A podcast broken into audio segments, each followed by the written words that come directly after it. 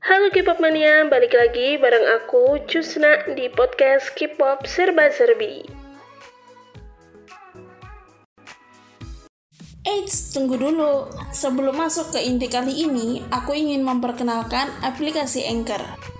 Jadi, buat kamu yang ingin punya podcast kayak gini, kamu bisa pakai Anchor FM.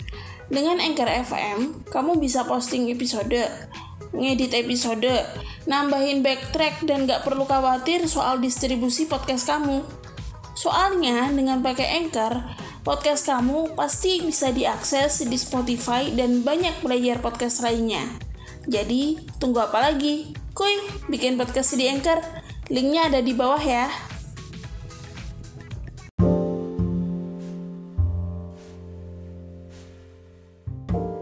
Hello mania, how are you doing today? Do you doing good?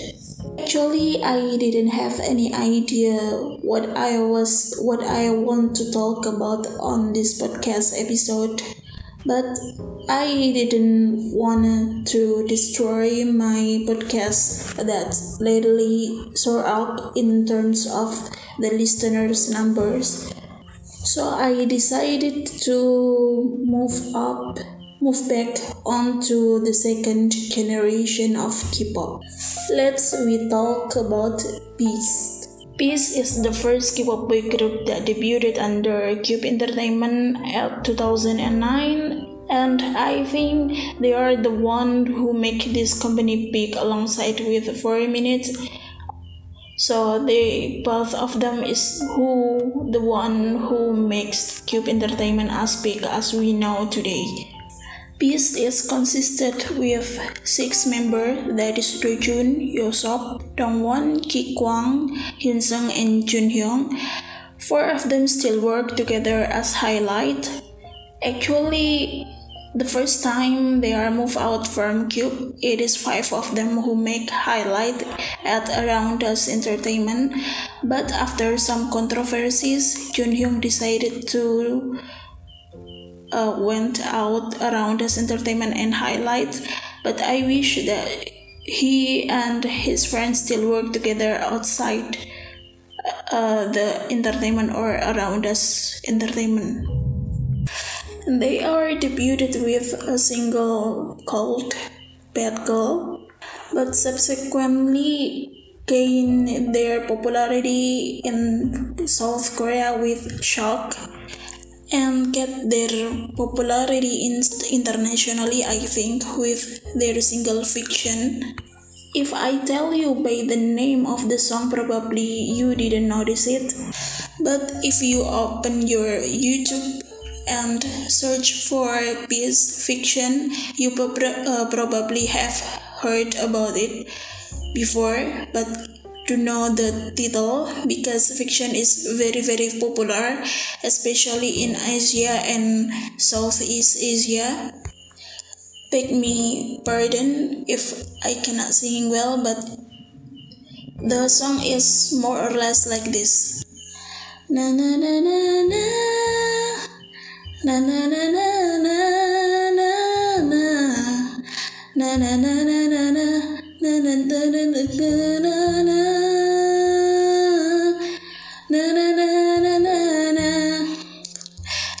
na know the lyrics actually, but but the melody is kinda like that, sort of.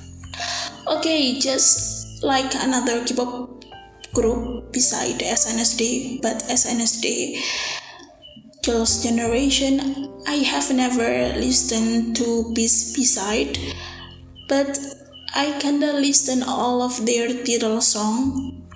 And please don't get me wrong, Beast title song is always that good. I cannot even spell my favorite because yeah, their song is always that good. Title song especially. I love Bad Girl, I love Shock, I love Mystery, I love Beautiful Night, I love Fiction, I love Shadow, I love the latter the latter one is Reborn before they move out from Cube and decided to make highlight. They released Reborn. I love 12 12 I think or 1230 uh, the title is written with hours with clock. I don't know how spell it I'm so sorry because this is the second time I make podcast fully in English. So I'm so sorry I'm not a native I think a lot of bass song is made by Junhyung alongside Highlight One before he got expelled from the company. No, he is not got expelled but decided to expel himself.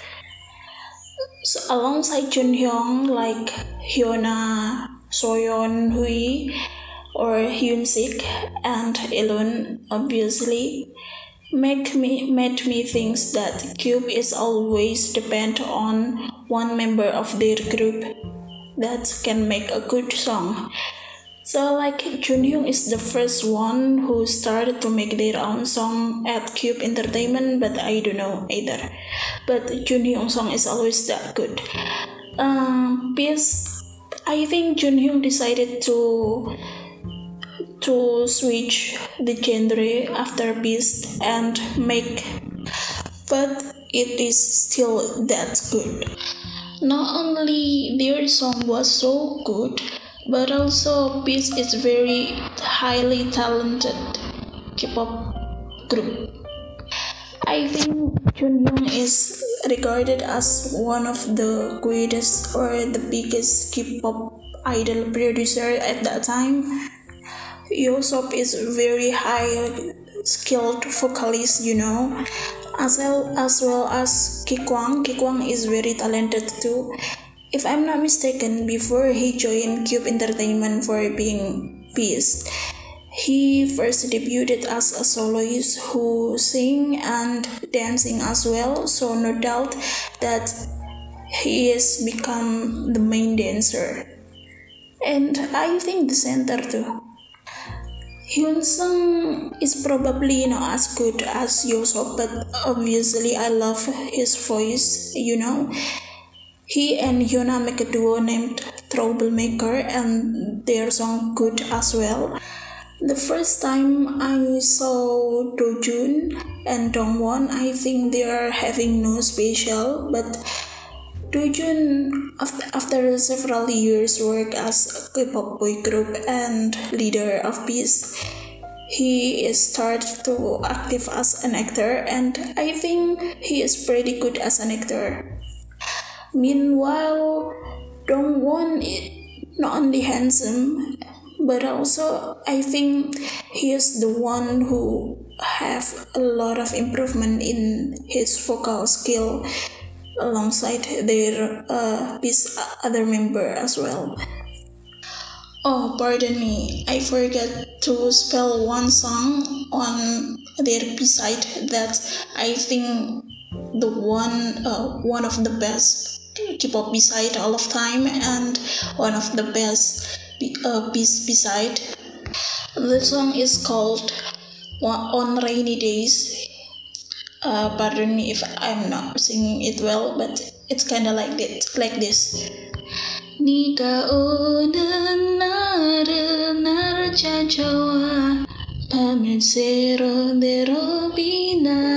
I'm sorry if I cannot remember the lyrics because you know I'm not really digging into beside and lyrics obviously I'm not Korean uh, native not learn as well but yeah the melody is kind of like that I love K-pop because their songs, their melody, and their beat, and obviously their MV.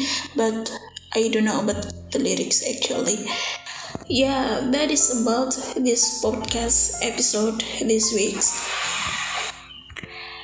I'm so sorry if the audio experience not good as possible because I recorded on 9 p.m. 21 WIB waktu Indonesia bagian barat. So still a lot of people who pass by and obviously I feel so sorry if my English not good as you think or as my imagination but yeah, at least I try, you know.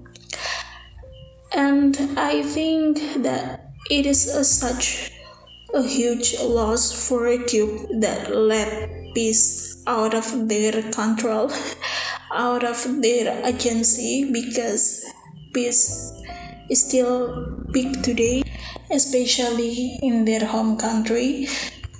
And if you have a time and decided to dig some more song, more newer song or more old song, don't forget to listen to all of this title track as well as highlight.